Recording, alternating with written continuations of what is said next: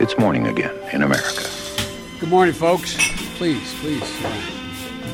Come on, let's go. Let's go get some coffee. Thank you very much. Det er fredag 29. mai. Trump har signert en presidentordre etter Twitters faktasjekk, og morgenkaffen er servert. Aller først, mer enn 40 millioner amerikanere har registrert seg som arbeidsledige siden koronaviruset rammet USA. Det tilsvarer én av fire amerikanske arbeidstagere. Joe Biden sier at han håper å ha en visepresidentkandidat på plass innen 1. august. Demokratenes landsmøte er planlagt i 17. til 20. august i Milwaukee, Wisconsin. Og Biden-kampanjen selger nå Biden-ansiktsmasker til 20 dollar. De er svarte med Biden President-logoen i hvitt foran, og kan kjøpes da fra kampanjens nettside. Dagens første sak. President Trump signerte i går en presidentordre som tar sikte på å begrense beskyttelsen som sosiale medier og andre nettbaserte plattformer har under amerikansk lovgivning. Ordren skal kunne gjøre det enklere for statlige myndigheter å holde selskaper som Twitter, Facebook og Google juridisk ansvarlige dersom de begrenser brukeres ytringer, f.eks. ved å suspendere brukerkontor eller slette poster.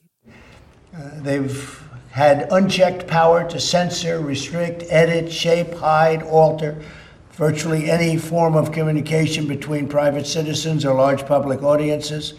There's no precedent in American history for so small a number of corporations to control so large a sphere of human interaction. Bakgrunnen er Twitters faktasjekk av to av Trumps twittermeldinger på tirsdag, og eksperter ABC News har snakket med, sier at presidentordren kan komme til å forandre lite, og at den vil møte motbør i rettssystemet. The choices that Twitter makes when it chooses to suppress, edit, blacklist, shadow, ban are editorial decisions, pure and simple. They're editorial decisions. Vår egen Sigrid Rege Gårdsvold var i går på P1, der hun ble intervjuet om denne saken før presidentordren var signert. Kan høre litt hva hun hadde å si. Kan Donald Trump faktisk komme til å stenge sosiale medier som Facebook og Twitter? Det er svært lite sannsynlig at det vil komme til å gå så langt. Hvorfor truer han med det da? Altså, Trump han går hardt ut, det er hans stil. Eh, og Det er også viktig å huske at Trump ser på sosiale medier, og spesielt på Twitter, som sin hjemmebane. Det er der han snakker til folket. og det, det er et sted der han er veldig komfortabel. og Når, når han da opplever at eh, Twitter faktasjekker han, eh, sånn som de gjorde, og som på en måte er utgangspunktet for det som skjer nå, så, så, reagerer han veldig sterkt. Og Da går Trump hardt ut, og så ser han jo historisk sett at han ofte må backe ned. Hva vil han da oppnå med å gjøre det på den måten? Han håper jo at han skal kunne skremme, tror jeg, disse plattformene til å roe faktasjekken. Og så oppnår han selvfølgelig òg å, å snakke til sine folk, som er mer enn villige til å tro på at konservativ politikk sensureres i sosiale medier. Dagens andre sak. Det har vært omfattende protester og opptøyer i flere dager i Minneapolis i Minnesota etter at George Floyd ble drept av polititjenestemenn på mandag. Drapet ble fanget på video og viser en hvit politimann som holder Floyd, en svart mann, nede med et kne på halsen.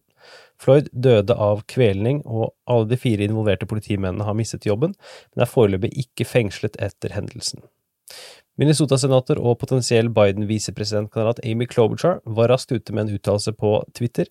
Hun har fått skryt fra noen, mens andre kritiserer uttalelsen for at hun ikke nevner Floyds navn. Klobuchar har en trøblete historie når det gjelder politivold, som i forbindelse med VP-vetting kan bli dratt opp igjen. Som aktor i Minnesotas mest folkerike fylke fra 1999 til 2007 unnlot hun å sikte politifolk i mer enn 25 politivoldssaker. California-senator Kamala Harris, en annen potensiell visepresidentkandidat for Joe Biden som tidligere har hatt trøbbel med sin fortid som aktor, kommenterer blant annet hendelsen som en offentlig henrettelse. Kind of at the, at the knee of, of someone who was using force that was unnecessary and, and was clearly um, not only in violation of the civil rights of that community and that man, but was, you know, torture in the way that it was done. The man couldn't breathe. He was begging. He was begging to be able to breathe. And he was executed. It was a public execution. Dagens siste sak. Representantenes hus gjennomførte sent onsdag kveld for første gang votering ved bruk av forhåndsstemmer. En representant til stede kunne avlegge stemme på vegne av inntil ti andre representanter, og rundt 70 kongressmedlemmer benyttet seg av denne muligheten. Republikanerne forsøker å gå rettens vei for å få hindret denne nye stemmemetoden, som er innført som et smitteverntiltak.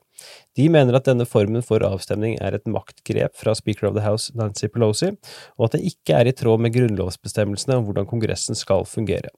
Flere replikanere er også skeptiske til hvordan endringen på sikt kan endre Kongressen. Vi kan høre litt fra en ekspert ved Georgetown University om hva denne skepsisen går på. But in a long term circumstance, imagine members like not wanting to come to DC as often because they can just remote in. Um, they don't want to be a part of the process because they can just remote in. Like they can vote from their couch rather than like the actual chamber of Congress. Um, and if they remove themselves in that way, well, then there are a lot of long term like uh, legislative consequences, which is that members are removing themselves from the process voluntarily. Dagens utgave av Morgenkaffen er servert av Sigrid Rege og undertegnede Are Togoklaten. Dersom du også ønsker å høre lørdagsutgaven av Morgenkaffen, så tar du turen til patreon.com ampol, så kan du lese mer om hvordan du kan støtte oss der. Få en fin langhelg, så snakkes vi til neste uke.